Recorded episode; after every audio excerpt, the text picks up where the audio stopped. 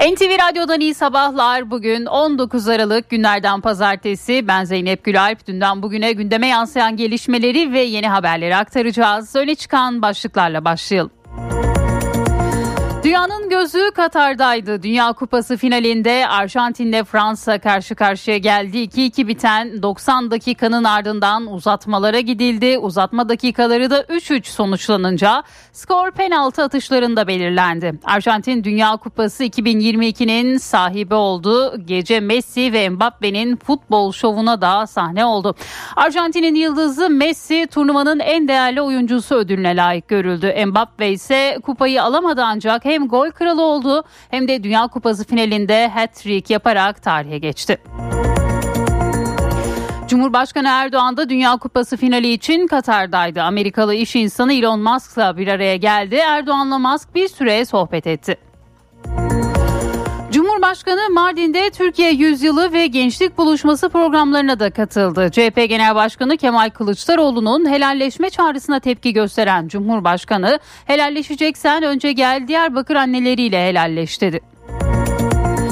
Çalışma ve Sosyal Güvenlik Bakanı Vedat Bilgin asgari ücret ve EYT'ye ilişkin konuştu. Bilgin salı günü asgari ücret görüşmesinde ortak bir uzlaşma sağlanacağına inanıyorum dedi. Bakan Bilgin EYT ile ilgili teknik çalışmaların tamamlanmak üzere olduğunu belirterek kıdem tazminatı için kredi konusunu Hazine ve Maliye Bakanı Nureddin Nebati ile çözdüklerini açıkladı. İçişleri Bakanı Süleyman Soylu İstanbul Büyükşehir Belediye Başkanı Ekrem İmamoğlu'na verilen hapis cezasının onanması halinde belediyeye kayyum atanmayacağını söyledi. Bakan Soylu açığa alırım yapacak başka bir şeyim yok bugüne kadar uygulamalarımızın tamamı böyle dedi. Mısır 11 Aralık tarihinde Libya ile deniz sınırını tek taraflı bir açıklamayla belirledi. Diplomatik kaynaklar belirlenen sınırın Türkiye'nin Doğu Akdeniz'deki kıta sahanlığına girmediğini vurguladı. Kaynaklar Libya ve Mısır'ın bir an evvel diyalog ve müzakere başlatması gerektiğini belirtti. Hatay Kırıkan'da saat 21.13'te 4,8 büyüklüğünde bir deprem meydana geldi. Depremin derinliği 11.67 kilometre olarak ölçüldü. Depremde ilk belirlemelere göre 6 ev hasar gördü. Bu evlerden 5'i mühürlendi. Denizli'den ise bir kadın cinayet haberi geldi. Merkez Efendi ilçesinde Murat T. hemşire eşi Hülya Tortop'u bıçaklayarak öldürdü. 112 acil çağrı merkezini arayıp kendini ihbar eden Tortop polise teslim oldu. Ankara'da bir müzisyene daha saldırıldı. Piz grubunun davulcusu Mehmet Dudarık Ankara'da bir eğlence mekanında uğradığı silahlı e, uğradığı saldırı sonucu ağır yaralandı. Müzisyenin bilincinin açık olduğu ve sağlık durumunun da iyiye gittiği belirtildi. Çanakkale'de fırtına nedeniyle Gökçeada ve Bozcaada ilçelerinde iki gün feribot seferi yapılamayacak. Bursa deniz otobüslerinin seferlerinden bazılarının da olumsuz hava koşulları nedeniyle iptal edildiği duyuruldu. Almanya'nın Dresden kentinde bulunan bir müzede 2019 yılında yapılan soygunda çalınan 31 eser bulundu. Avrupa'nın en eski ve büyük hazinelerinden birine ev sahipliğini yapan müzeden çalınan eserlerin toplam değerinin 1 milyar euro olduğu tahmin ediliyor. Sosyal medya platformu Twitter'ın sahibi ve CEO'su Elon Musk, Twitter'ın yöneticisi olarak istifa etmeli miyim sorusunun yer aldığı bir anket başlattı. Ankete katılanların %57'si Musk'ın istifası yönünde oy kullandı. Ve spordan bir diğer başlık daha Eczacıbaşı Dynavit'ten dünya üçüncülüğü geldi. Türkiye'nin ev sahipliğinde Antalya'da gerçekleştirilen 2022 Uluslararası Voleybol Federasyonu Kadınlar Dünya Şampiyonası'nda Gerdo Minas'la karşılaşan Eczacıbaşı Dynavit rakibini 3-1 mağlup ederek dünya üçüncüsü oldu. Gündem özetledik devam ediyoruz.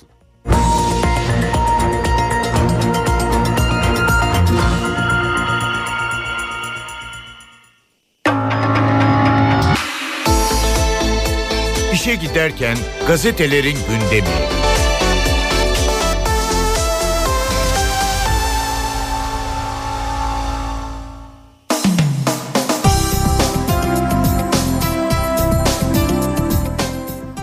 Sabah gazetesiyle başlıyoruz. Şehit eşini CHP işten attı, devlet sahip çıktı başlığını manşetini görüyoruz Sabah gazetesinde.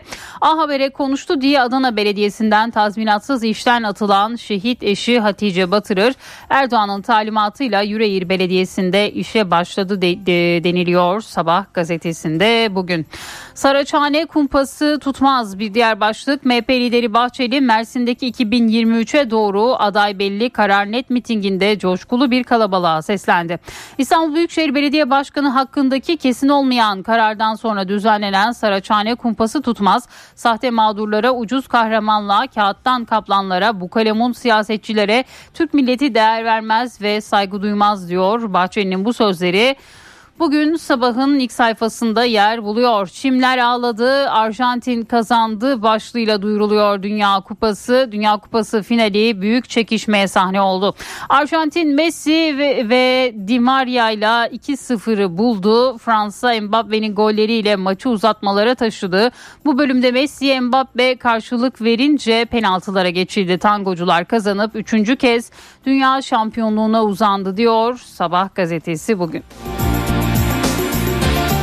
plus Hürriyetle devam ediyoruz. 42 yıllık yalanı anlattı manşetini görüyoruz Hürriyet gazetesinde. Antalya'da sahte mezuniyet belgesiyle 42 yıl boyunca mimarlık yapan Avni Tekin Aslan dolandırıcılık hikayesini Hürriyet'e anlattı.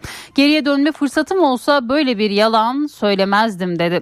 Sözlerine gerçekten çok pişmanım diye başlayan Tekin Aslan ailesinin inşaat işleriyle uğraştığını belirtti ve şöyle devam etti. Aslında hiçbir mezuniyetim yok ama inşaat işinden anlarım.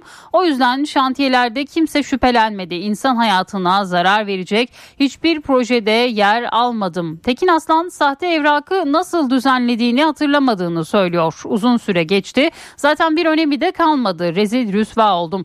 Tekin Aslan'la aynı projede çalışan bir mimar da hiç şüphelenmedik. Siz mesleği nerede öğrendiniz diyerek sinirlendiği zamanlar da oldu deniliyor. Antalya'da sahte mimarlık yapan Avni Tekin Aslan'ın hikayesi bugün Hürriyet gazetesinin manşetinde yer buluyor. Bir diğer başlık ne finalde ama bir aydır milyarlarca tutkuna futbol ziyafeti çektiren Dünya Kupası Arjantin Fransa maçıyla sona erdi deniliyor ve skorda 7-5'lik skorda yer buluyor Hürriyet'in ilk sayfasında. Bu vandala en ağır ceza çıksın bir diğer haber. Bilge Kaan Korkmaz adlı şehir eşkıyasının yanlışlıkla ayağına bastığı e, yüzünden tartıştığı müzisyen Mehmet Dudarak'ı öldüresiye dövme görüntüsü Türkiye'yi dehşete düşürdü. Piz grubunun davulcusu olan MS hastası Mehmet Dudarık yoğun bakıma alındı. Saldırgan Bilge Kaan Korkmaz tutuklandı. İfadesinde o geceyi anlatan Dudarık'ın arkadaşı Oğuzhan o özür dilediğimiz halde ikimize de saldırdı. Elinde sert bir cisim olduğunu düşünüyorum diye konuştu. Hürriyet gazetesinin ilk sayfasında yer buluyor bu başlıkta. Ali Tatar'ı unutmadık. Bir diğer haber FETÖ kumpası olan amirallere suikast davasının sanığı Yarbay Ali Tatar maruz kaldığı iftiralar yüzünden 2009'da yaşamına son vermişti. Vefat yıl dönümünde anılan Ali Tatar'ın eşi Nilüfer Tatar bu ülkenin Ali'ye borcu var. Bu borç adalet yerini bulmadan kapanmaz diyor. Bu haberde bugün Hürriyet'in ilk sayfasında yer buluyor. Milliyet'in manşetinde Avrupa'ya vize dersi başlığını görüyoruz. Türkiye vize uygulamasında sorun yaşayan Avrupa Birliği ülkelerine pratik vize verme yöntemlerine ilişkin tecrübelerini aktardı. Dışişleri temsilcileri Türkiye'nin Avrupa Birliği ülkeleri Amerika, Avustralya ve Yeni Zelanda gibi ülkelerle yaşadığı vize sorunu hakkında mecliste briefing verdi. Bakan yardımcısı Faruk Kaymakçı pandemide düşen vize talebine bağlı olarak Avrupa Birliği ve diğer ülkelerin büyükelçilik ve konsolosluk personelini azalttığını, bugünse 3,5 milyon vize başvurusuyla karşı karşıya kaldıklarını vurguladı. Bu haberde Emniyet'in manşetindeydi. Tayfun'un menzili 1000 kilometre olacak. Mardin'de Türkiye Yüzyılı ve gençlerle buluşma programlarında konuşan Cumhurbaşkanı Erdoğan, Tayfun füzesinin menzilinin 560 kilometreden 1000 kilometreye çıkarılacağını duyurdu. Yunanistan'a rahat dur bizimle uğraşma mesajı gönderdi. Erdoğan erken seçimle ilgili bir soru üzerine de Cumhur İttifakı olarak oturalım dertleşelim ondan sonra da gerçeğini size veririz diyor Cumhurbaşkanı. Altılı Masa'da 5 artı 1 formülü, Altılı Masa'da 5 artı 1 ve yetkileri artırılmış Cumhurbaşkanı yardımcılığı formülü tartışılıyor. Buna göre liderlerden biri ortak Cumhurbaşkanı adayı, diğer 5 lider yetkileri artırılmış Cumhurbaşkanı yardımcısı olacak. Cumhurbaşkanlığı kararnamelerinde 6 liderin ortak imzası olacak deniliyor. Bu haberi de bugün yine Milliyet'in ilk sayfasında görüyoruz. Yeni Şafak'ın manşetinde yeni petrol şehrimiz başlığı yer buluyor. Gabar Dağı'nda bulunan petrol rezervi Şırnak dilini Batman'ın ardından ikinci petrol şehrimiz haline getiriyor. Şırnaklıları heyecanlandıran keşif şehrin çehresini değiştirmeye başlamış. Tankerler petrol sahasıyla köyler içinde mekik dokuyor. Petrolün nakli için yollar genişletilip rehabilite ediliyor. Civardaki arazilerin fiyatı da 3 kat artmış Yeni Şafak'ın manşetinde yer alan başlıktı. Asgari ücret işletmeleri zorlamamalı bir diğer başlık. Çalışma ve Sosyal Güvenlik Bakanı Vedat Bilgin asgari ücrette son toplantının yarın yapılacağını belirterek işletmelerimizin ödeyebileceği bir ücret seviyesi olmalı.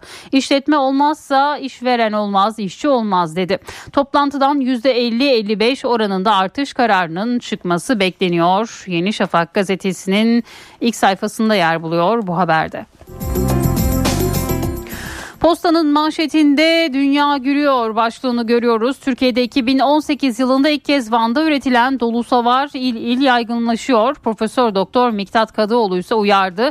Tamamen umut tacirliği dünya bize gülüyor alay konusu oluyoruz diyor.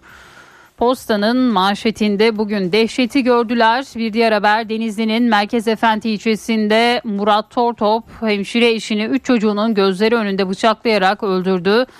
Bu kadın cinayet haberi de bugün Posta gazetesinin ilk sayfasında yer buldu. Edirne'ye akın bir diğer başlık Bulgaristan vatandaşlarının alışverişte cazibe merkezi haline gelen Edirne'de esnafın müşterilerinin %90'ı bu ülkenin vatandaşları oluşturuyor. Yeni yıla Edirne'de girecek olan Bulgarlar otellerde günler öncesinden rezervasyon yaptırdı diyor Posta gazetesi.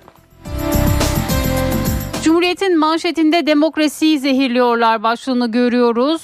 CHP hukuk işlerinden sorumlu Genel Başkan Yardımcısı Muharrem Erkek, AKP'nin başörtüsüne anayasal güvence getiren teklifine ilişkin dert başörtüsü değil seçimi zehirlemek, ekonomi, yozlaşma konuşulmasın, aile ahlak konuşulsun istiyorlar. Yeni anayasa yeni meclisin işi olmalı ve öyle olacak diyor bugün Cumhuriyet'in manşetinde taşı toprağı altın bir diğer başlık İstanbul'da yükselen ev fiyatları Miami ve Liverpool'la yarışıyor. Yurttaşın konut sahibi olması imkansız hale geldi. Sektör temsilcileri Kurtköy'de bile metrekare yapı maliyeti 2000 dolar. Merkeze yaklaştıkça 3000 doları buluyor. Satışta çıkışı da 4000 dolar diyor. Bu fiyata Liverpool ve Miami'den daire satın alınabiliyor deniliyor. Bugün Cumhuriyet Gazetesi'nde yer alıyor bu başlıkta. Şimdi bir ara vereceğiz. Birazdan haberlerin ayrıntılarını aktaracağız. İş bir yatak köşedeki kitapçıyı sunar. Yatak uzmanından iş bir yatak. Merhaba ben Adnan Bostancıoğlu. Geçen yüzyılın düşünce hayatında derin izler bırakmış kadın yazarlardan Simone de Beauvoir'ın hayat arkadaşı Jean-Paul Sartre'a yazdığı mektupların bir bölümü kısa süre önce Everest'ten yayımlandı. Bir bölümü dedim. Nitekim kitabın ismi Sartre'a Mektuplar 1. Kitapta yer alan mektuplar de Beauvoir'ın 1930 ile 1939 yıllar arasında yazdıkları. Mektupları dilimize Damla Kellecioğlu çevirmiş. Aslında de Beauvoir'ın hayatından muhtelif kitapları vesilesiyle köşedeki kitapçıda bahsetmiştik ama üzerinden çok zaman geçti. Bir kez daha kısaca hatırlayalım isterseniz. Simone de Beauvoir Fransız edebiyatının ve düşünce hayatının 20. yüzyıldaki en parlak isimlerinden biri. 1908 Paris doğumlu. Sağlam bir eğitim hayatı var de Beauvoir'ın. 1928'de Sorbon'dan diploma alan 9 kadından biri. O yıllarda hayat arkadaşı Jean-Paul Sartre ile tanışıyor. Bu birliktelik Sartre'ın 1980'de ölümüne kadar sürüyor. De Beauvoir uzun yıllar öğretmenlik yapıyor. 1943 yılında yazdığı Konuk Kız isimli edebi eserinden sonra hayatını sadece yazarak sürdürüyor. Kitaplar arasında Başkalarının Kanı, Bütün İnsanlar Ölümlüdür, 1954'te Goncourt ödülünü kazandığı Mandarinler, Güzel Görüntüler, Bir Genç Kızın Anıları ilk zikredilmesi gerekenler. Ayrıca 1949'da yayımlanan İkinci Cins isimli kitabı da dünya çapındaki feminist harekete kaynak olmuş eserlerden biri. Kitaplarının dışında çok sayıda felsefi ve teorik metni de bulunan Simone de Beauvoir 1986 yılında hayata veda etti. Bugün bahsini ettiğimiz mektupların yayınlanması Simone de Beauvoir'ın ölümünden sonra gerçekleşiyor. Aslında de Beauvoir, Jean-Paul Sartre'ın ona göndermiş olduğu mektupları 1983'te yayımlıyor. Fakat kendisinin Sartre'a yazdıklarını saklıyor. Soran dostlarına da bunların ancak ölümünden sonra ve bulunursa belki basılabileceğini söylüyor. Nitekim söz konusu mektupları kızı Sylvie Le Bon de Beauvoir onun vefatının hemen ardından Kasım 1986'da bir dolabın dibinde buluyor ve karşılıklı yazışmanın diğer yanında gün ışığına çıkmış oluyor. İşte bu kitapta 1930-1939 yıllarına ait Monsieur Sartre'a hitaben yazılmış 140 mektup yer alıyor. Sartre mektuplar Simone de Beauvoir'ın iç dünyasını tüm çıplaklığıyla ortaya koyarken hiçbir konuda konuşmaktan çekinmeyen büyük bir 20. yüzyıl entelektüelinin sesini ve düşünsel evrenini de bugüne taşıyor. Herkese iyi okumalar, hoşçakalın. İş bir yatak köşedeki kitapçıyı sundu. Yatak uzmanından iş bir yatak. Türkiye'nin aküsü ileriye götürür. Yiğit Akü yol durumunu sunar. Karayolları Genel Müdürlüğü duyurdu. Sakarya Pamukova yolunun 24-25. kilometrelerinde ve Selçuk Ortaklar Aydın yolunun 27-41. kilometrelerinde yol bakım ve onarım çalışmaları var. Çalışmalar sebebiyle ulaşım kontrollü olarak sağlanıyor. Sürücüler dikkatli seyretmeli. Yiğit Akü yol durumunu sundu. Daha sürdürülebilir bir çatı ve daha iyi bir dünya için Bras Çatı Sistemleri sunar. Doğa konuşmaları.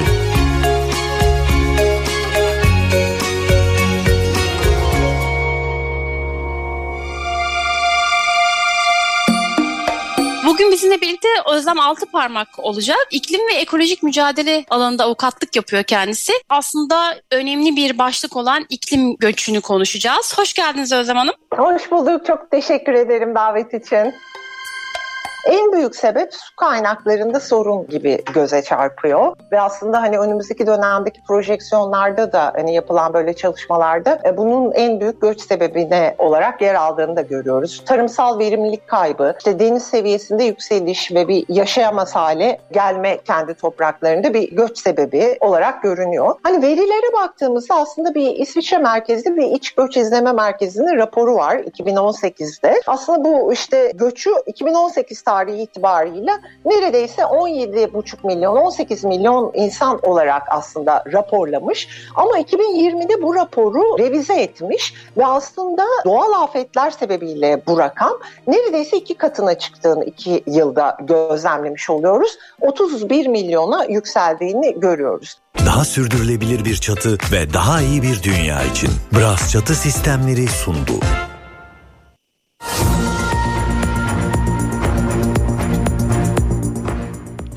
NTV Radyo'da öne çıkan haberlerle yayındayız. Dünyanın gözü kulağı dün akşam Katar'a kilitlenmişti. Bir tarafta Messi Arjantin, bir tarafta Mbappe'li Fransa.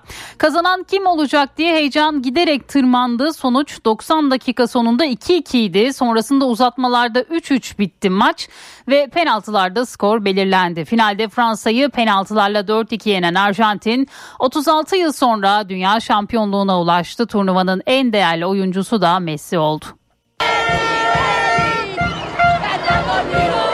Arjantin futbol klasiklerine girecek bir finalle 36 yıl sonra dünya şampiyonu. 120 dakikası 3-3 biten maçta Fransa'yı penaltılarda 4-2 yenen tangocular 1986'dan sonra ilk kez Dünya Kupası'nı kazandı. Yeşil sahaların yaşayan efsanesi Lionel Messi kariyerindeki tek eksik kupayı iki gol attığı finalin ardından kaldırdı. Arjantin, Messi ve Di Maria'nın attığı gollerle ilk yarı 2-0 önde kapatınca Buenos Aires'te kutlamalar başladı. Karşılaşmanın son 10 dakikasında Mbappe 97 saniye arayla attığı gollerle skoru 2-2'ye getirmesiyle bu kez Fransızlar sevindi. Uzatmaya giden maçta iki takımın kahramanlarından önce Messi sonra Mbappe sahneye çıktı. Tarihi final 3-3'lük eşitlikle penaltılara taşındı. Tangocular beyaz noktada 4-2 üstünlük sağladı ve son şampiyon unvanıyla Katar'a giden Fransa tahtını Arjantin'e bıraktı.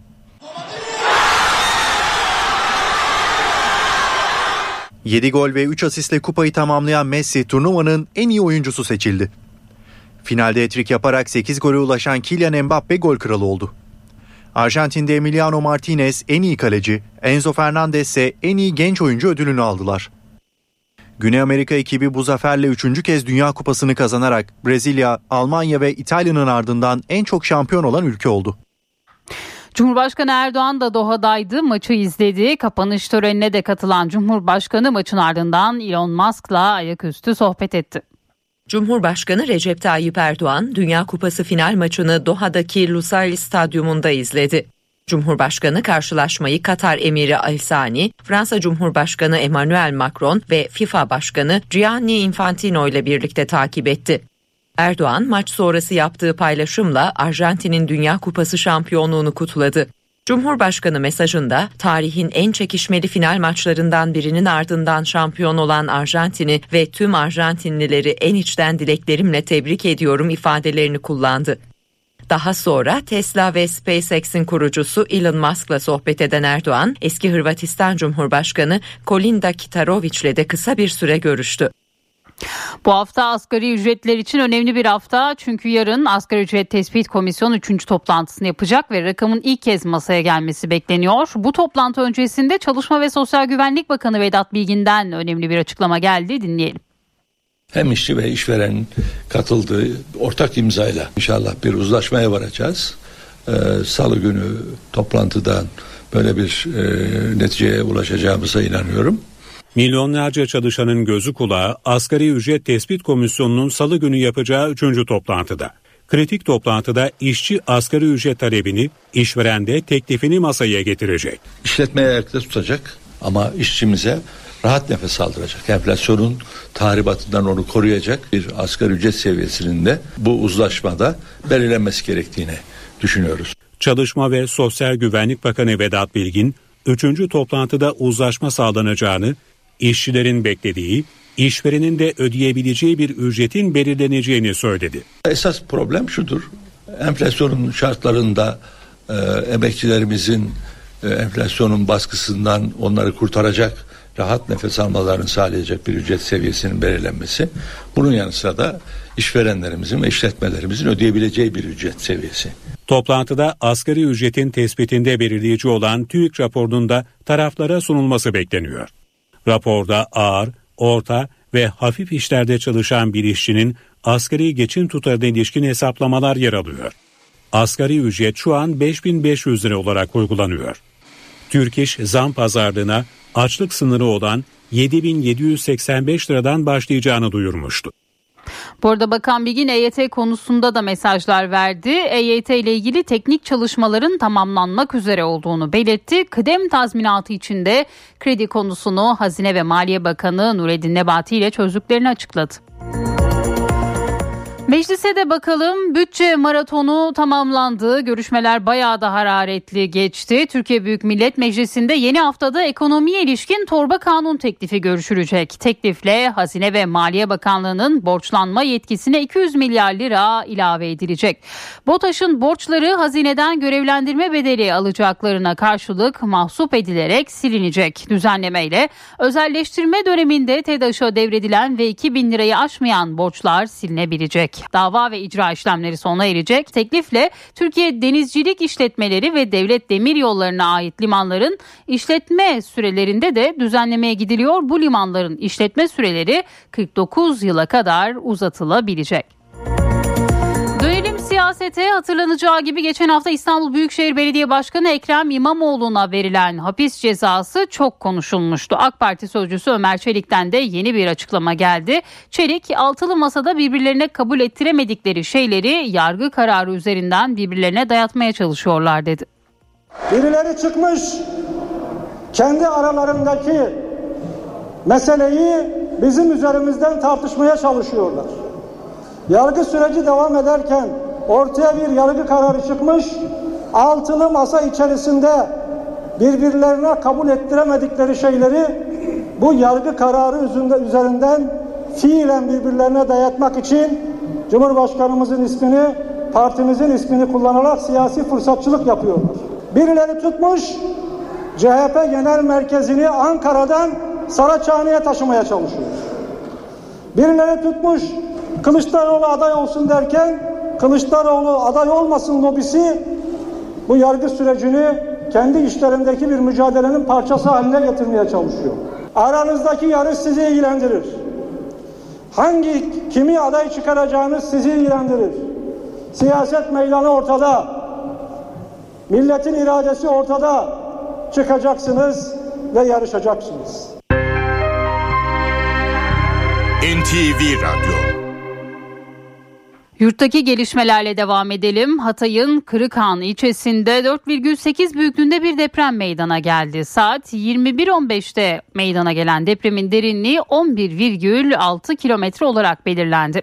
Depremde hasar gördüğü tespit edilen 5 ev mühürlendi. İlçede hasar tespit çalışmaları ise sürüyor. Kırıkhan Kaymakamı Mahmut Han Arslan mühürlenen evlerdeki ailelerin başka yerlere yerleştirildiğini belirtti. Çanakkale'de ise fırtına nedeniyle Gökçeada ve Bozcaada ilçelerinde iki gün feribot seferleri yapılamayacak açıklama Çanakkale Boğazı ile adalar hattında yolcu ve araç taşımacılığı yapan firmadan geldi. Bölgede beklenen fırtına nedeniyle feribot seferlerinin iptal edildiği duyuruldu. Geyikli Bozcaada ile Kabatepe Gökçeada hattında bugün ve yarın seferler yapılmayacak. Bursa deniz otobüslerinden de bir karar var. Seferlerinden bazılarında olumsuz hava koşulları nedeniyle iptal edildiği duyuruldu. Eskişehir'de halası, amcası ve babaannesiyle kalan 6 yaşındaki Elif Nur Tiftik yetersiz beslenme ve bakımsızlık nedeniyle kaldırıldığı hastanede yaşamını yitirmişti. Küçük kızın halası ve amcasının ardından babaannesi de tutuklandı. Sorgusunun ardından adliyeye sevk edilen babaanne Cihan Gül Kurumlu işkence ve eziyet yapmak suretiyle çocuğa ve alt soya karşı kasten öldürme suçundan tutuklandı. Annesi ve babası cezaevinde olan küçük kızın aynı evde kalan iki kardeşi de koruma altına alındı. Denizli ve Eskişehir'den ise kadın cinayeti haberleri geldi. Katiller yine tanıdıktı. Biri 3 çocuk annesi eşini, diğeri de kız arkadaşını öldürdü. Biri 3 çocuğunun önünde hemşire eşini öldürdü. Diğeri kız arkadaşını öldürüp kazaydı dedi. Eskişehir'in Şirintepe mahallesindeki bir evde Hasan Fey'de kız arkadaşı Ayşenur Çolakoğlu arasında tartışma çıktı. Hasan F. 21 yaşındaki kadına silahla ateş açtı. Ağır yaralanan kadın hayatını kaybetti. Olay sonrası Hasan F. de o sırada evde olan arkadaşı gözaltına alındı. Emniyetteki ifadesinde suçunu itiraf eden zanlı kazaydı oldu dedi. Deniz'de Murat ve Hülya Tortop çifti evlerinde tartışmaya başladı. Murat Tortop eşini bıçakladı.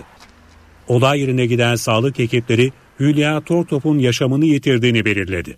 Gözaltına alınan zanlı hakkında eşine şiddet uyguladığı gerekçesiyle iki kez uzaklaştırma kararı verildiği ortaya çıktı. Murat Tortop'un son verilen uzaklaştırma süresinin dolması sonrası evine gittiği öğrenildi. Olay sırasında çiftin 3 çocuğu da evdeydi. Çocuklar korumaya alındı. Hülya Tortop Denizli Devlet Hastanesi'nde hemşire olarak görev yapıyordu.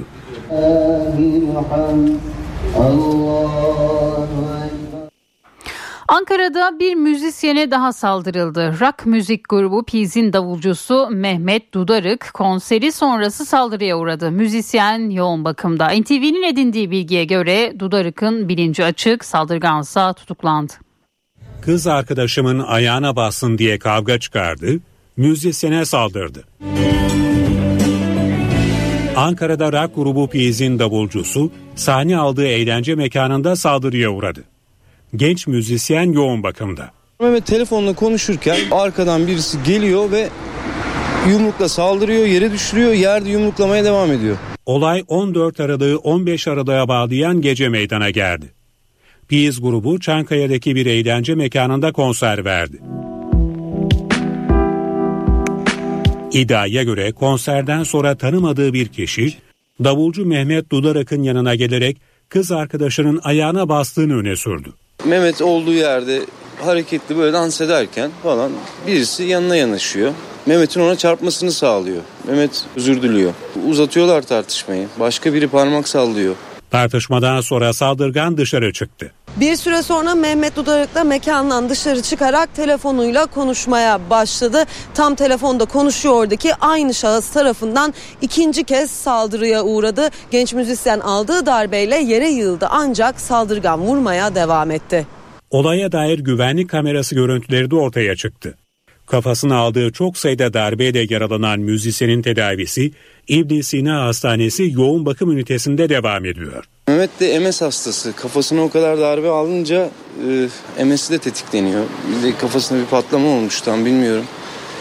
Halen yoğun bakımda işte. Zanlı olaydan sonra yakalandı, tutuklanarak cezaevine gönderildi. Konuşabiliyor. Bunu almış tabii biraz. Tam farkında da değil böyle her şeyin.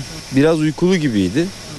Öyle çok fazla da konuşturmadılar zaten. Umarız da adalet yerini bulur. Ankara'da Ekim ayında da istek şarkı tartışması sonrasında çıkan kavgada müzisyen Onur Şener öldürülmüştü. Havai fişek gösterileri kuşları yaralıyor hatta ölümlerine sebep oluyor. Simurg Kuş Yuvası Derneği Başkanı Alaz Uslu havai fişeğin yasaklanması çağrısında bulundu. Havai fişek kullanımlarının zaten doğaya veya ekolojik olarak verdiği zararlar ortadayken aslında toplum sağlığında tehdit eden bir şey. Bu noktada yönetimsel olarak ciddi bir yönetimle havai fişek kullanımının tamamen yasaklanması gerekiyor. Havai fişek kullanımı kuşların olumsuz etkilenmesine hatta ölümlerine neden olduğu gerekçesiyle tepki çekiyor. Hayvanseverler havai fişek kullanımının yasaklanmasını istiyor. Ani bir ses ve ışık meydana çıkışında bir şok etki meydana geliyor ve bu şok etkisiyle özellikle gündüz aktif olup da gece uyku moduna geçen kuşlar uyku tüneklerini terk edebiliyorlar. Yaralanma, e, bizzat e, havai fişeğin e, yakıcı etkisine maruz kalma, çıkan toksik gazlarla zehirlenme gibi bir takım ölümcül e, veya yaralanmalı hasar görüyorlar. Yılbaşına sayılı günler kala Simur Kuş Yuvası Derneği Başkanı Alaz Uslu'dan uyarı geldi. Uslu, havai fişeğin kuşlara verdiği zararları anlattı. Kuşlarda davranış bozuklukları meydana gelebiliyor. Bunlar dönme, çökme, sabit kalma, tikler bu tarz şeyler meydana gelebiliyor. Özellikle savaşların çok yoğun olduğu ülkelerde sürekli patlama sesine maruz kalan hayvanlarda bu tarz davranış bozukluklarını görmemiz çok daha olası. Havai fişek etkisi de aslında bir patlama sesi olduğu için savaşlarla aslında benzer etkiyi görebiliyoruz. Bulgar turistlerin alışveriş için akın ettiği Edirne'de hafta sonu yoğunluk sürüyor. Buna bir de yılbaşı hareketliliği eklendi. Yeni yıla Edirne'de girmeyi düşünen Bulgarlar da var. Rezervasyonlarını da günler öncesinden yaptırdılar. Otellerde ise neredeyse yer kalmadı. Bulgar turistler bu kez yılbaşı için Edirne'nin yolunu tutacak. Oteller ve restoranlar doluluk oranına ulaştı. Otellerimiz çoğunlukla dolu. Bulgaristan'dan çok sayıda vatandaş Edirne'de konaklayacaklar.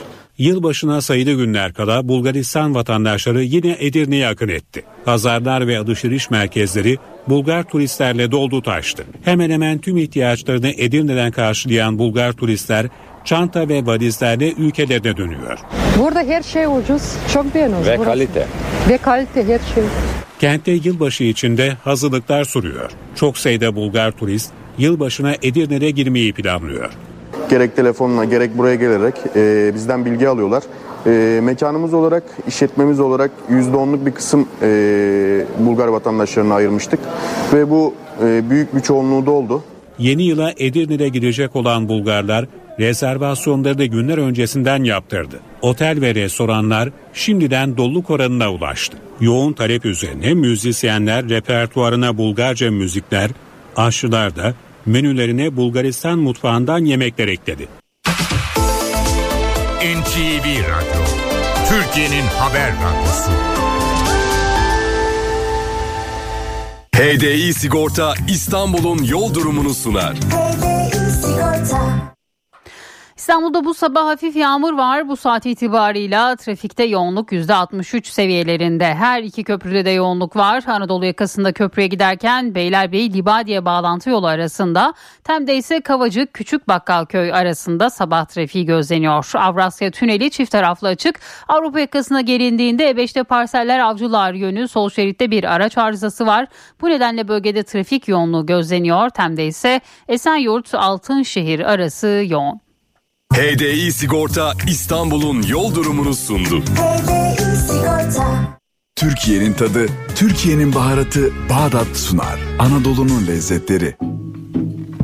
Ben Nezaket Özgür. Rizeliyim. Mısır ekmeğini anlatmak istiyorum. Mısır ekmeği bir buçuk kilo un, biraz sıvı yağ, tuz, bir miktar tuz, bir tatlı kaşığı şeker, bir paket kabartma tozu. Sütle onu güzelce yoğurup bir hamur haline getirip tepsiye yayıyorsun, pişiriyorsun. Nefis, leziz bir ekmek oluyor. Ondan sonra afiyet olsun. Türkiye'nin tadı, Türkiye'nin baharatı Bağdat sundu. Anadolu'nun lezzetleri. Mağaza ve ofis zeminlerinin depo ve yürüme yollarının en yeni en etkili boyası Düfa Zemin Boyaları spor haberlerini sunar.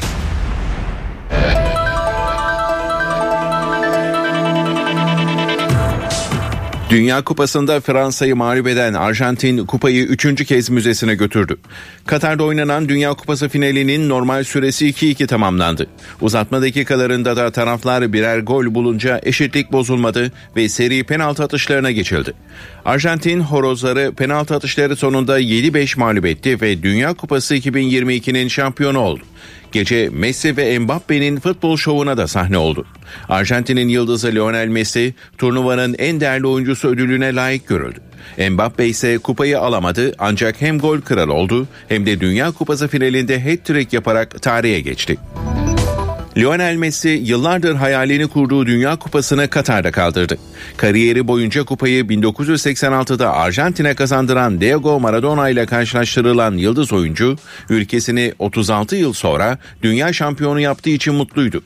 2016'daki Copa Amerika finalini Şili'ye penaltılarda kaybedince Arjantin'le 4 final kaybettim milli takım benim için bitti dedi.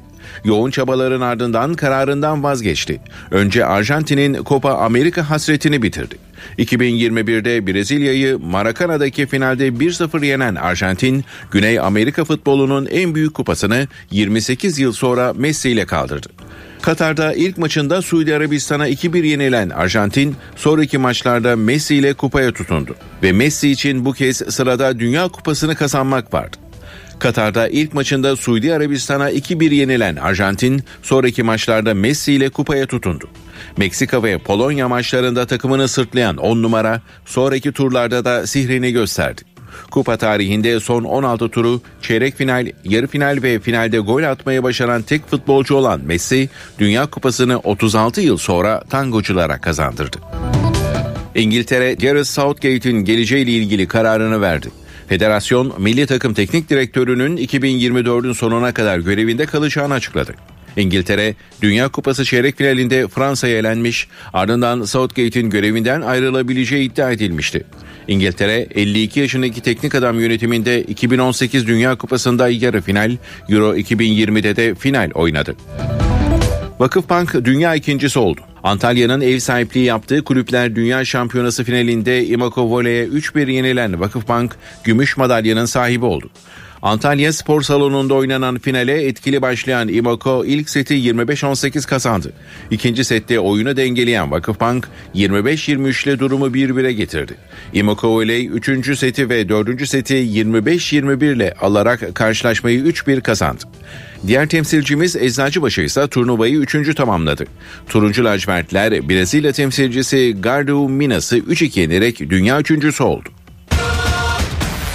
Mağaza ve ofis zeminlerinin depo ve yürüme yollarının en yeni en etkili boyası Düfa Zemin Boyaları spor haberlerini sundu.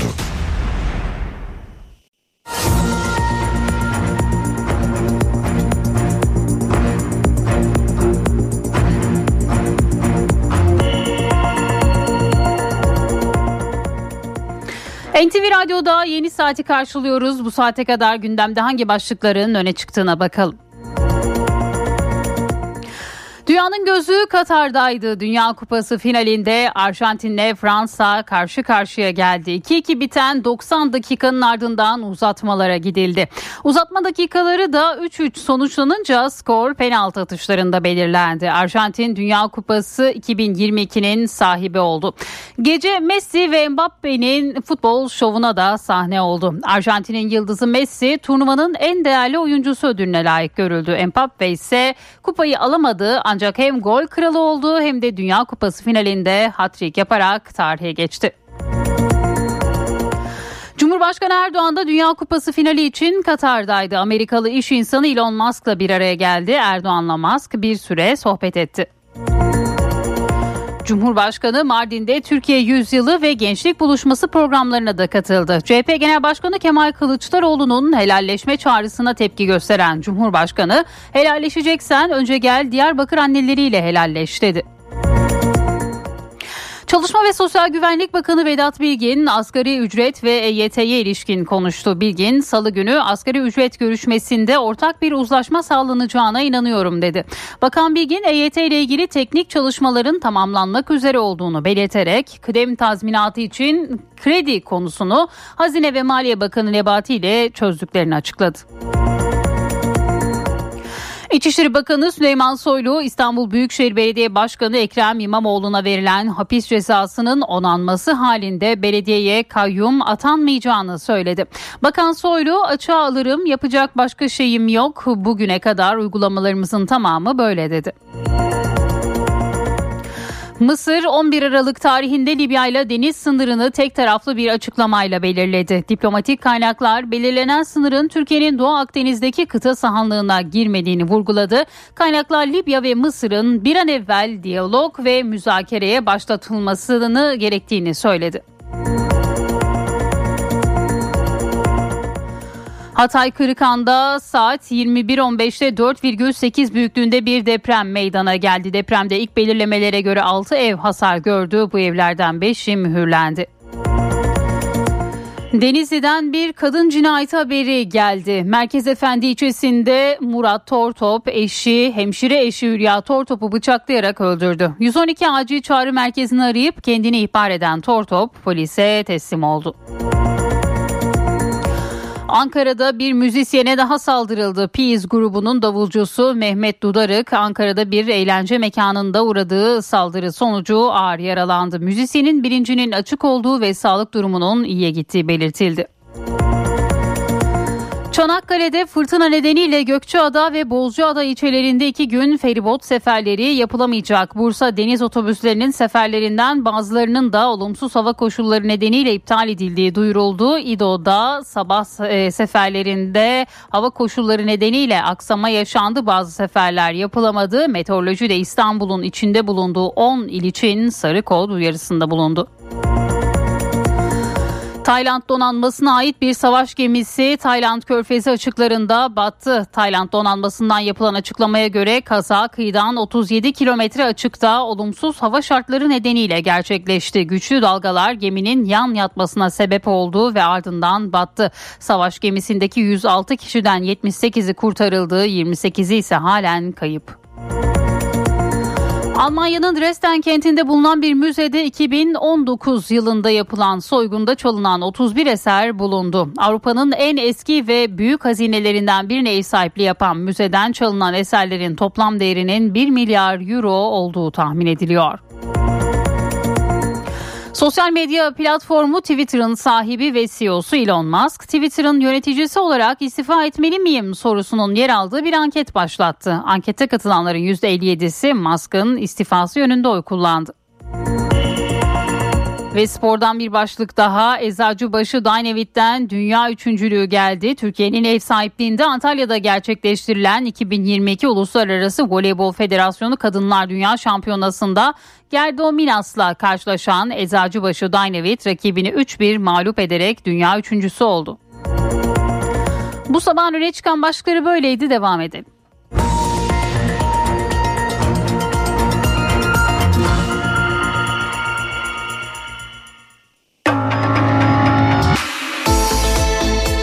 İşe giderken gazetelerin gündemi.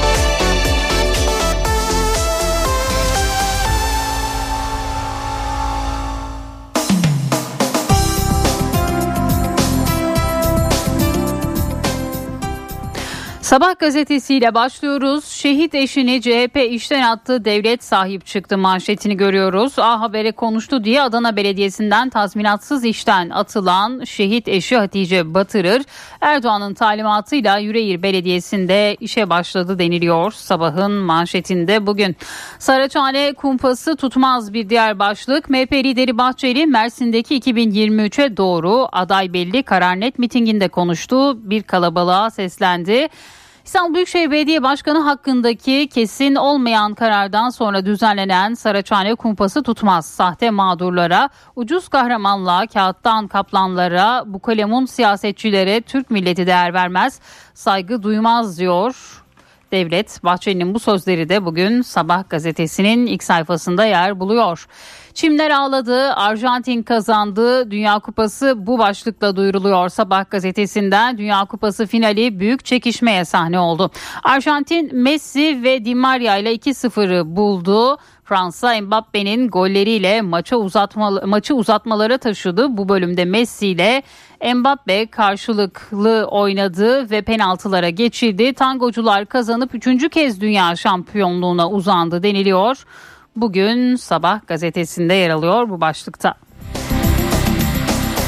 Hürriyet'in manşetinde 42 yıllık yalanı anlattı başlığını görüyoruz. Antalya'da sahte mezuniyet belgesiyle 42 yıl boyunca mimarlık yapan Avni Tekin Aslan dolandırıcılık hikayesini Hürriyet'e anlattı. Geriye dönme fırsatım olsa böyle bir yalan söylemezdim dedi. Sözlerine gerçekten çok pişmanım diye başlayan Tekin Aslan ailesinin inşaat işleriyle uğraştığını belirtti ve şöyle devam etti. Aslında hiçbir mezuniyetim yok ama inşaat işinden anlarım. O yüzden şantiyelerde kimse şüphe etmedi insan hayatına zarar verecek hiçbir projede yer almadım diyor. Tekin Aslan sahte evrakı nasıl düzenlediğini hatırlamadığını söylüyor. Uzun süre geçti. Zaten bir önemi de kalmadı. Rezil rüsva oldum. Tekin Aslan'la aynı projede çalışan bir mimar da hiç şüphelenmedik. Siz mesleği nereden öğrendiniz diyerek sinirlendiği zamanlar da oldu dedi. Bu haberde Hürriyet'in manşetindeydi. Hürriyet gazetesi Dünya Kupası'nı ne finalde ama başlığıyla duyuruyor. Bir aydır milyarlarca tutkuna futbol ziyafeti çektiren Dünya Kupası Arjantin Fransa maçıyla sona erdi. 7-5'lik skoru da bugün e, Hürriyet gazetesi Arjantin'in galibiyeti şeklinde bu başlıkta duyuruyor. Bir diğer haber bu vandala en ağır ceza çıksın başlığıyla Bilge Kağan Korkmaz adlı şehir eşkıyasının yanlışlıkla ayağa basma yüzünden tartıştığı müzisyen Mehmet Dudarık'ı öldüresiye dövme görüntüsü Türkiye'yi dehşete düşürdü. Piyiz grubunun davulcusu olan MS hastası Mehmet Dudarık yoğun bakıma alındı. Saldırgan Bilge Kağan Korkmaz ise tutuklandı. İfadesinde o geceyi anlatan Dudarık'ın arkadaşı Oğuzhan o özür dilediğimiz halde ikimize de saldırdı. Elinde sert bir cisim olduğunu düşünüyorum diyor. Bugün Hürriyet'in ilk sayfasında yer alıyor bu başlıkta. Ali Tatar'ı unutmadık. Ee, bir diğer haber Hürriyet'ten FETÖ kumpası olan amirallere suikast davasının sanığı Yarbay Ali Tatar maruz kaldığı iftiralar yüzünden 2009'da yaşamına son vermişti. Vefat yıl dönümünde anılan Ali Tatar'ın e, eşi Nilüfer Tatar bu ülkenin Ali'ye borcu var. Bu borç adalet yerini bulmadan kapanmaz diyor. Bugün bu başlıkta yine Hürriyet gazetesinin ilk sayfasında yer buluyor. Milliyet'in manşetinde Avrupa'ya vize dersi başlığını görüyoruz. Türkiye vize uygulamasında sorun yaşayan Avrupa Birliği ülkelerine pratik vize verme yöntemlerine ilişkin tecrübelerini aktardı diyor Milliyet gazetesi. Bir diğer haberse Tayfun'un menzili 1000 kilometre olacak başlığıyla. Mardin'de Türkiye yüzyılı ve gençlerle buluşma programlarında konuşan Erdoğan, Tayfun füzesinin menzilinin 560 kilometreden 1000 kilometreye çıkartılacağını duyurdu. Yunanistan'a rahat dur bizimle uğraşma mesajı gönderdi Erdoğan. Erken seçimle ilgili bir soru üzerine de Cumhur İttifakı olarak oturalım dertleşelim. Ondan sonra da gerçeğini size veririz dedi. Cumhurbaşkanının bu açıklamaları da Milliyet'in ilk sayfasındaydı. Altılı Masa'da 5 artı 1 formülü bir diğer başlık. Altılı Masa'da 5 artı 1 ve yetkileri artırılmış Cumhurbaşkanı yardımcılığı formülü tartışılıyor. Buna göre liderlerden biri ortak Cumhurbaşkanı adayı, diğer 5 lider yetkileri artırılmış Cumhurbaşkanı yardımcısı olacak. Cumhurbaşkanlığı kararnamelerinde 6 liderin ortak imzası olacak deniliyor Milliyet gazetesinde bugün. EYT'de sona gelindi. Çalışma ve Sosyal Güvenlik Bakanı Bilgin asgari ücrete ilişkin işvereni ayakta tutacak ama işçimize rahat nefes aldıracak bir asgari ücret seviyesinin de 3. toplantıda belirlenmesi gerektiğini düşünüyoruz dedi. Bilgin EYT düzenlemesiyle ilgili teknik çalışmaların tamamlanmak üzere olduğunu da belirtti diyor Milliyet. Yeni Şafak'ın manşetinde yeni petrol şehrimiz başlığını görüyoruz. Gabar Dağı'nda bulunan petrol rezervi Şırnak ilini batmanın ardından ikinci petrol şehrimiz haline getiriyor. Şırnaklıları heyecanlandıran keşif şehrin çehresini değiştirmeye başlamış. Tankerler petrol sahasıyla köyler içinde mekik dokuyor. Petrolün nakli için yollar genişletilip rehabilite ediliyor. Civardaki arazilerin fiyatı da 3 kat artmış diyor Yeni Şafak gazetesi. Bakan Bilgin'in açıklamaları yine Yeni Şafak gazetesinde asgari ücret işletmeleri zorlamamalı başlığıyla yer buluyor. Bir diğer haberse Avrupa Birliği elektriği de Bakü'den alacak başlığıyla. Avrupa Birliği ihtiyaç duyduğu alternatif enerji kaynağı için Azerbaycan'ın kapısını çalmaya devam ediyor. Temmuz ayında Bakü'den aldığı doğalgazı iki katına çıkarmak için anlaşma imzalayan Brüksel, şimdi de elektrik için anlaşma imzaladı deniliyor Yeni Şafak gazetesinde bugün. Postanın manşetinde dünya gülüyor başlığını görüyoruz. Türkiye'de 2018 yılında ilk kez Van'da üretilen dolu savar il il yaygınlaşıyor. Profesör Doktor Miktat Kadıoğlu ise uyardı tamamen umut tacirliği. Dünya bize gülüyor alay konusu oluyoruz diyor. İTÜ Meteoroloji Mühendisliği Bölüm Başkanı Profesör Doktor Miktat Kadıoğlu dolu savar yağışlı havalarda kamyon lastiğinin patlaması gibi bir ses çıkartıyor. Bu ses güya 10 kilometre ötede bulutun içindeki dolu tanelerini küçültüyor. Bir atmosfer bilimcisi ve Amerika'da doktora yapmış bu konuda Türkiye'de uzun yıllar ders vermiş biri olarak söyleyebilirim ki borudan çıkan çuf seslerinin ya da gazın böyle bir şey yapması mümkün değil diyor. Profesör Doktor Miktat Kadıoğlu'nun sözleri bugün postanın manşetinde yer buluyor. Dehşeti gördüler bir diğer haber.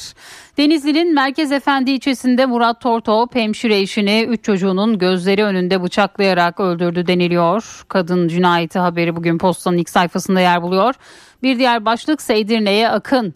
Bulgaristan vatandaşlarının alışverişte cazibe merkezi haline gelen Edirne'de Esnafın müşterilerinin %90'ını bu ülkenin vatandaşları oluşturuyor. Yeni yıla Edirne'de girecek olan Bulgarlar otellerde günler öncesinden rezervasyon yaptırdı diyor Posta gazetesi. Cumhuriyet'in manşetinde demokrasiyi zehirliyorlar başlığını görüyoruz. CHP hukuk işlerinden sorumlu Genel Başkan Yardımcısı Muharrem Erkek, AKP'nin başörtüsüne anayasal güvence getiren teklifine ilişkin dert başörtüsü değil seçimi zehirlemek, ekonomi, yozlaşma konuşulmasın, aile ahlak konuşulsun istiyorlar. Yeni anayasa yeni meclisin işi olmalı ve öyle olacak diyor. Bir diğer başlıksa taşı toprağı alsın. İstanbul'da yükselen ev fiyatları Miami ve Liverpool'la yarışıyor deniliyor. Yurttaşın konut sahibi olması imkansız hale geldi. Sektör temsilcileri Kurtköy'de bile metrekare yapı maliyeti 2000 dolar, merkeze yaklaştıkça 3000 doları buluyor.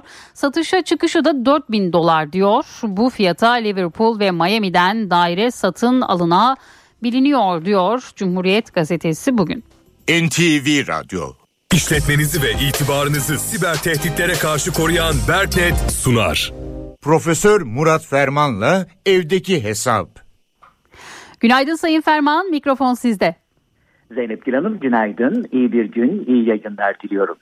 Enflasyonun gidişatında önümüzdeki sene de en azından Mayıs ayına kadar etkili olacak bazı etkisi veya baz tesiriyle görece bir iyileşme bekleniliyor. Fakat her daim söylüyoruz e, bu etkinin, bu görece ferahlama ve beklenti yönetiminde iyimser hanenin ağır basması e, ve bir parça ferahlık sağlanması sürecinin hiç e, heba edilmemesi lazım, doğru kullanılması lazım.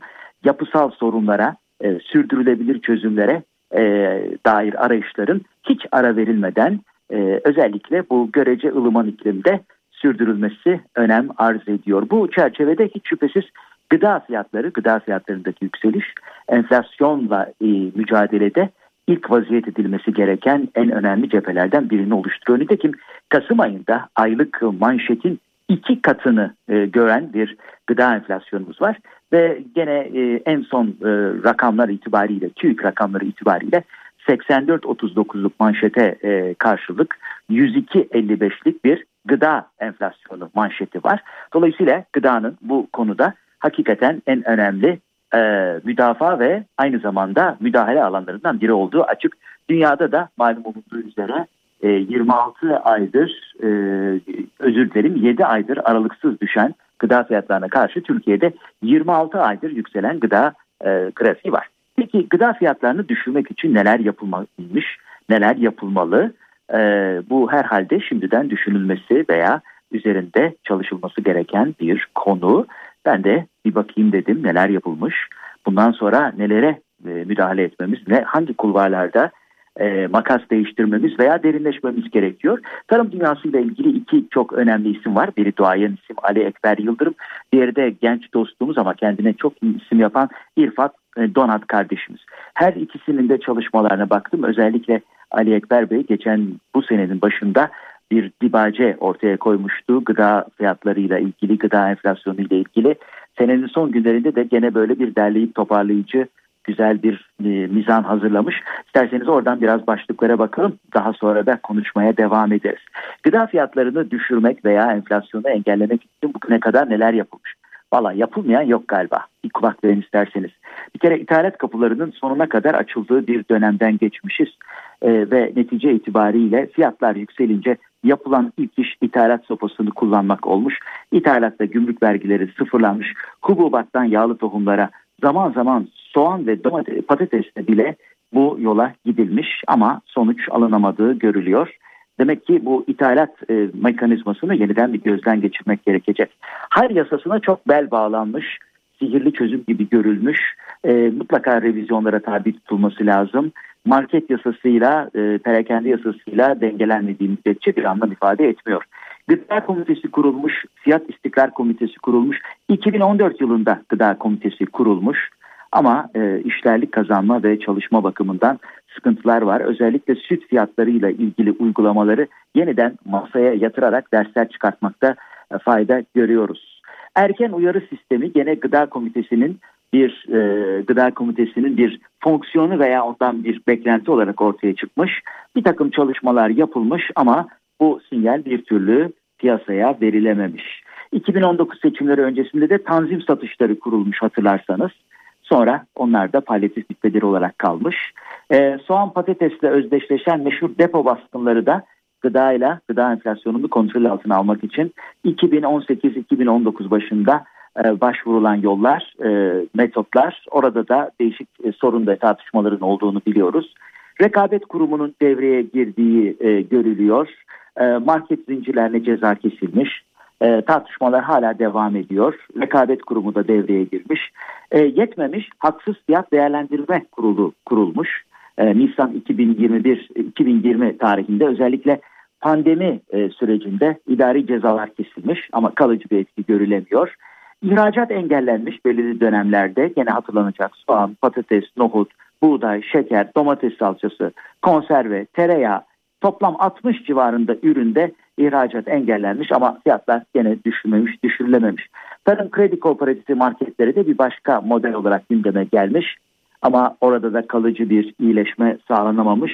Modern teknolojik seralar kurulmuş. Ziraat Bankası desteğiyle Tarım Kredi Kooperatifleri bünyesinde Sera AŞ modellenmesine gidilmiş ama gene kalıcı bir sonuç elde edilememiş. Sütte sabit kırmızı ette tavan fiyat oluşturulmuş. Sözleşmeli üretim modeline geçilmiş ama gene tüketicide fiyat artışı durdurulamamış. DİTAP dediğimiz bir e, dijital e, tar tarım pazarı kurulmuş. E, DİTAP'tan da e, bugünlerde e, söz eden yok diyor e, değerli dostumuz Ali Ekber Yıldırım bu değerlendirme yazısında. Enflasyon timleri kurulacağından bahsedilmiş ama böyle bir uygulamaya gidilmemiş. Mobil uygulama ile ucuz gıda pazarı bir başka versiyon. Orada da e, ucuz yer olmadığı için neredeyse e, sonuç alınamamış ve nihayet tabii KDV indiriminden de bahsetmek lazım. Bu senenin hemen başında Şubat ayının ortasında e, temel gıda ürünlerinde katma değer vergisi %8'den %1'e indirilmiş ama benzer KDV indirimlerinde olduğu gibi tüketiciye yansımamış. Bunları niye gözden geçiriyoruz? E, yapılmadık iş, alınmadık tedbir yok. Ama demek ki bunların e, e, organizasyonunda, senkronizasyonunda, bunların takibinde, bunların uygulanmasında yeniden bir vaziyet etmek e, gayet gerçekçi değerlendirmeler yapmak durumundayız ki çalışmayanları bertaraf edelim, çalışanlarla zenginleştirelim. Enflasyonla mücadele sene sonu geldi, baz etkisi devreye girdi diye ara verilecek, fasıla tanınacak bir mücadele değildir. Bir numaralı ekonomik e, sorunumuzdur bu böyle biline. Bu genel değerlendirme çerçevesinde değerli dinleyenlerimize katma değeri yüksek ve yüksek katma değerli bir gün diliyor. Huzurlarınızdan hürmetlerle ayrılıyorum. Profesör Murat Ferman'la evdeki hesap. İşletmenizi ve itibarınızı siber tehditlere karşı koruyan Berknet sundu. Dünya markası Bras çatı sistemleri finans bültenini sunar.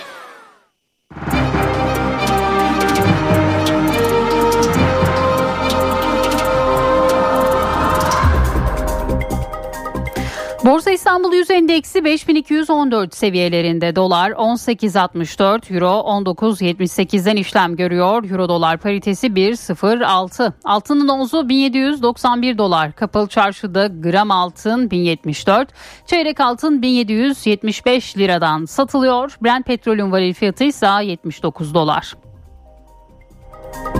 Dünya markası Bras çatı sistemleri finans bültenini sundu. NTV Radyo Estetiğin ruhunu duvarlarınıza taşıyan Sandeko Boya hava durumunu sunar. Eşsiz boya, eşsiz mekanlar. Sandeko. Ülkeye kuvvetli Poyraz'la birlikte soğuk hava geliyor. Marmara haftaya soğuk başlıyor. İstanbul'da kış havası var. Hafif yağışla birlikte sıcaklık 5-6 derece hissediliyor. Bursa'da da yağmur var. Uludağ'da ise kar yağışı olacak bugün.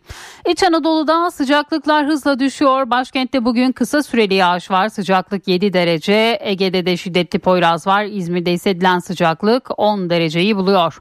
Akdeniz ve Güneydoğu'da yağış yok. Ancak Güneydoğu'da geceler yine çok soğuk geçiyor. Karadeniz soğurken Bolu'ya sulu kar, yaylalara da kar yağacak. Doğu Anadolu'da ise bugün yağışsız geçecek.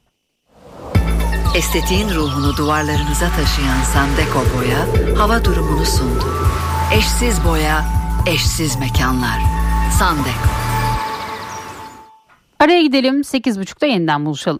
İş bir yatak köşedeki kitapçıyı sunar. Yatak uzmanından iş bir yatak.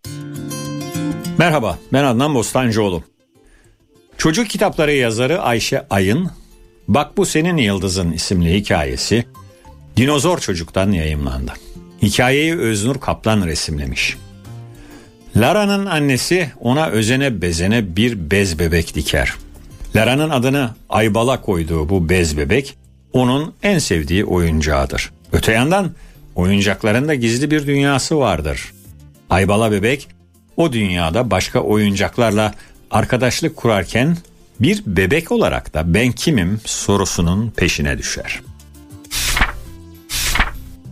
Ünlü Bulut Atlası romanıyla tanınan David Mitchell'ın Ütopya Yolu isimli romanı Alfa yayınlarından çıktı. Kitabı dilimize Ayşen Anadolu çevirmiş.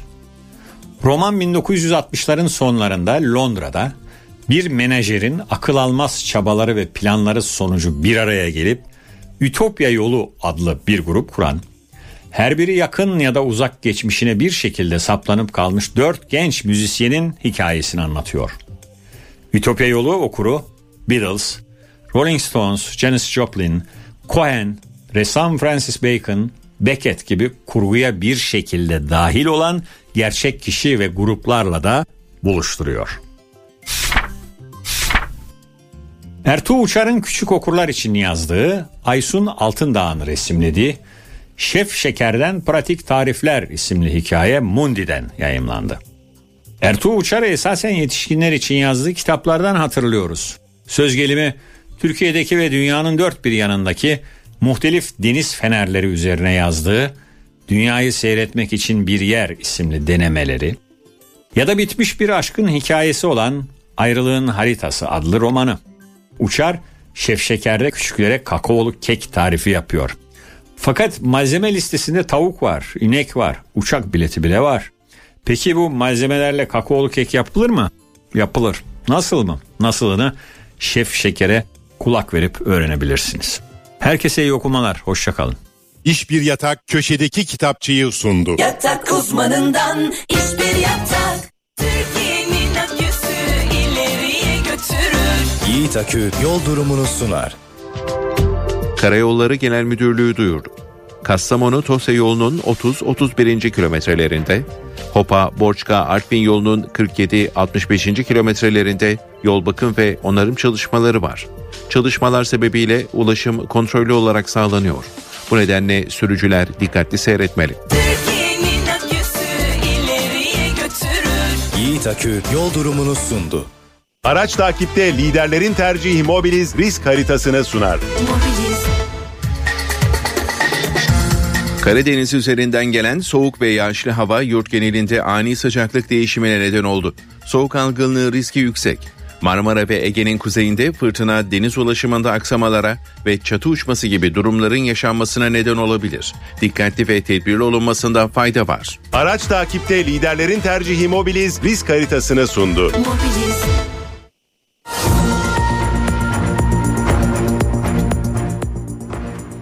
NTV Radyo'da haberleri aktarmaya devam ediyoruz. Bugün hemen hemen herkesin gündeminde dünkü maç var. Dünya Kupası finalinde Arjantin'le Fransa karşı karşıya geldi. 2-2 biten 90 dakikanın ardından uzatmalara gidildi. Uzatma dakikalarında da sonuç 3-3 olunca skor penaltı atışlarında belirlendi. Arjantin Dünya Kupası 2022'nin de sahibi olmuş oldu. Gece Messi ve Mbappe'nin futbol şovuna da sahne oldu. Arjantin'in yıldızı Messi turnuvanın en değerli oyuncusu ödülüne layık görüldü. Mbappe ise kupayı alamadı ama hem gol kralı oldu hem de Dünya Kupası finalinde hat-trick yaparak tarihe geçti. Maçı izlemeye gidenler arasında Cumhurbaşkanı Erdoğan da vardı. Cumhurbaşkanı bir mesaj yayımladı ve tarihin en çekişmeli final maçlarından birinin ardından şampiyon olan Arjantin'i ve tüm Arjantinlileri en içten dileklerimle tebrik ediyorum ifadelerini kullandı. Kapanış törenine de katıldı Cumhurbaşkanı ve Elon Musk'la ayaküstü de sohbet etti. Cumhurbaşkanı Erdoğan Mardin'de gençlik buluşması programına da katıldı. Eleştirilerinin hedefinde CHP Genel Başkanı Kemal Kılıçdaroğlu vardı. Kılıçdaroğlu'nun helalleşme çağrısına sert tepki gösterdi. Erdoğan Yunanistan'la Ege'de yaşanan gerilim ve Rusya'nın Türkiye'de kurmayı düşündüğü doğal gaz merkeziyle ilgili de konuştu. Şimdi birileri helalleşmeye gelecekmiş. Ya sen önce helalleşmeye gideceksen Gel Diyarbakır anneleriyle helalleş. Eğer helalleşmeye geleceksen önce 10 yaşında, 11 yaşında, 12 yaşında, 13, 14, 15 yaşındaki kızları Kandil'e kaçıranlar var ya onlarla kol kola gezmeyi bırak. CHP Genel Başkanı Kemal Kılıçdaroğlu'na helalleşme çağrısı üzerinden eleştirilerini sıraladı. Cumhurbaşkanı Recep Tayyip Erdoğan, Mardin'de Türkiye Yüzyılı ve Gençlik Buluşması programlarına katıldı. Erdoğan'ın hedefinde Yunanistan'da yaşanan adalar krizi de vardı. Ya yapma işte rahat dur. Bizimle uğraşma. Bizim sizinle Ege'de dalaşma diye bir şeyimiz yok. Buna geçmişte hep it dalaşı derlerdi. Arkadaşlara dedim ki ya bu ifade çok çirkin. Eğer rahat durmazlarsa gereğini yaparsınız. Sizin gibi gençlerle beraber evet Allah biz o birilerine bir gece ansızın gelebileceğimizi gösterdik ve göstereceğiz. Cumhurbaşkanı Erdoğan, Rusya Devlet Başkanı Vladimir Putin'in Türkiye'de büyük bir doğal gaz merkezi kurulması önerisine ilişkinde açıklamalarda bulundu. E bu tabii uzun zamandır gündemimizde olan bir durumdu.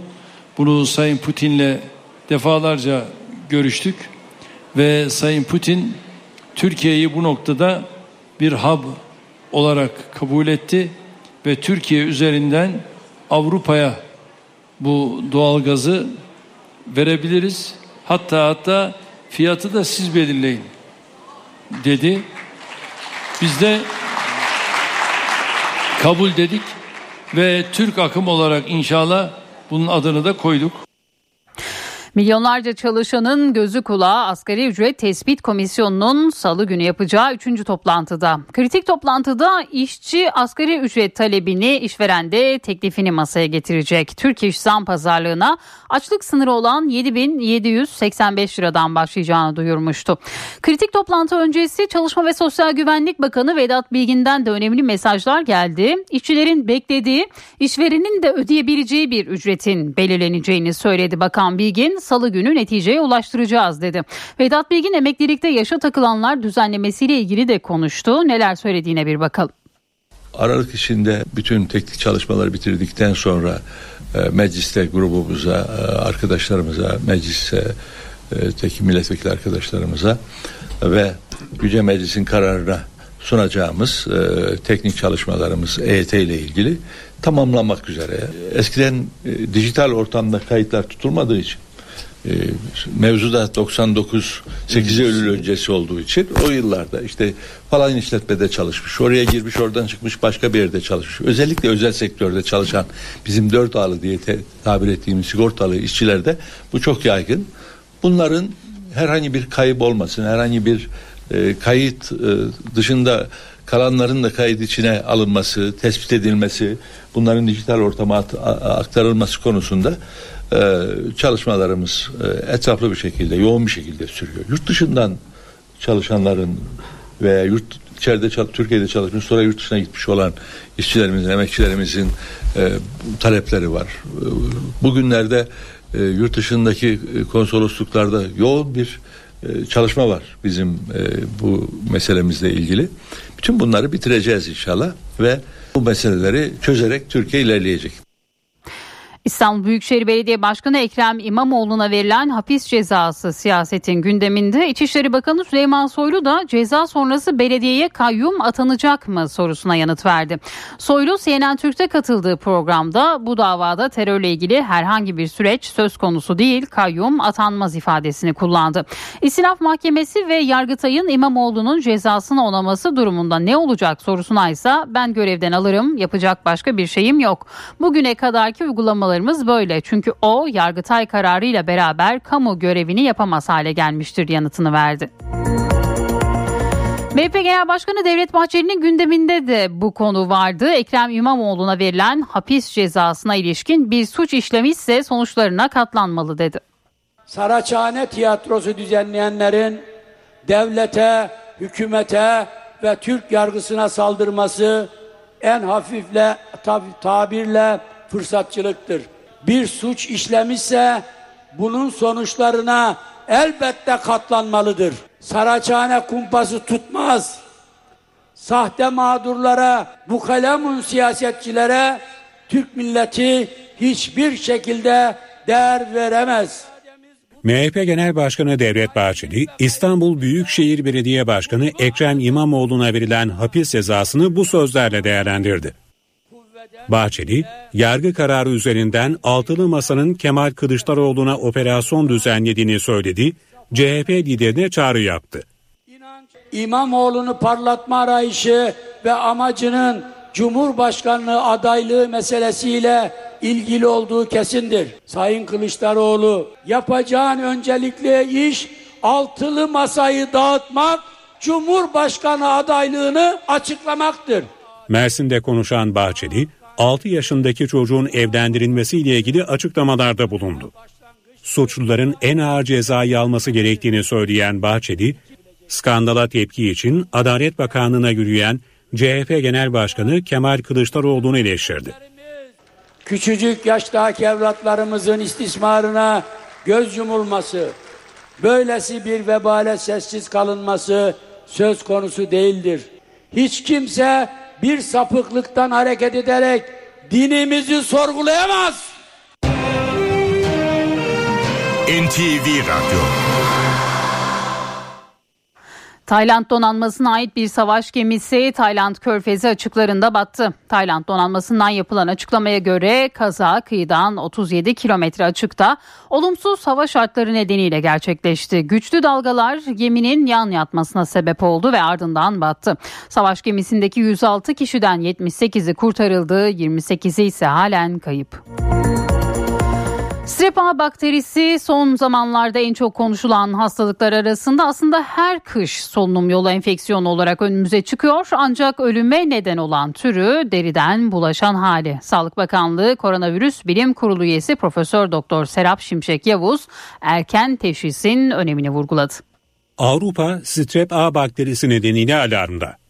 Fransa ve İngiltere'de 15'ten fazla çocuk hayatını kaybetti. Kış aylarında boğaz enfeksiyonlarına yol açan bu bakteri aslında yıllardır dolaşımda.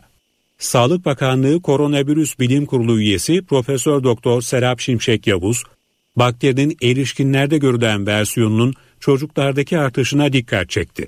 Derin dokulara gidebiliyor. Gene kasa, fasyaya ulaşabiliyor bir. Bir de özellikle viral enfeksiyon geçiren çocuklarda akciğer enfeksiyonu yaparak kana da karışarak gene çok ölümcül tablolara neden ol- olabiliyor. Bu eskiden de oluyordu fakat oranı artmış durumda çocukların İngiltere'de. Diyelim ki %80'i gene erişkinlerde ama daha önce %5-10 seviyesindeyken çocuk yaş grubunda bu yüzde işte 20'sine ulaşmış durumda. Strep A, çoğunlukla çocukları etkileyen kızıl hastalığına da neden olabiliyor. Bademcik iltihabı gibi başlıyor fakat sonra işte bulantı kusma böyle çocukta yük, da- ateşin daha çok yükseldiği ve deride kırmızılıkların böyle biraz da pürtüklü bir hal olur. Ee, geçiren çocuğu olanlar gayet iyi bilirler. Ee, kızıl hastalığı olabiliyor çocuklarda. Profesör Doktor Yavuz, endişeye neden olan bu enfeksiyonun tedavisinin kolay olduğunu ve maske, mesafe kurallarının önemine dikkat çekti. Hepsinin tedavisi penisilindir. Şu anda hem Covid'in hem gripin aşısı var. Çocuğunuza el yıkamayı güzelce öğretin ki az solunum yolu enfeksiyonları özellikle bu nezle hani el yıkamayla çok daha etkili bir şekilde azaltılabilir.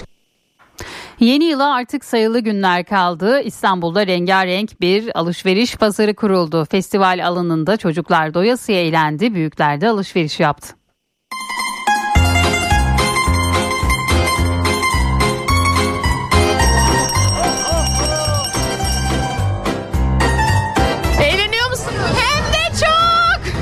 Alışveriş, eğlence, yemek, müzik. 2023'ü karşılamaya sayılı günler kala İstanbul Beşiktaş'taki bir otelde yılbaşı pazarı kuruldu. Renkli görüntüler ortaya çıktı. En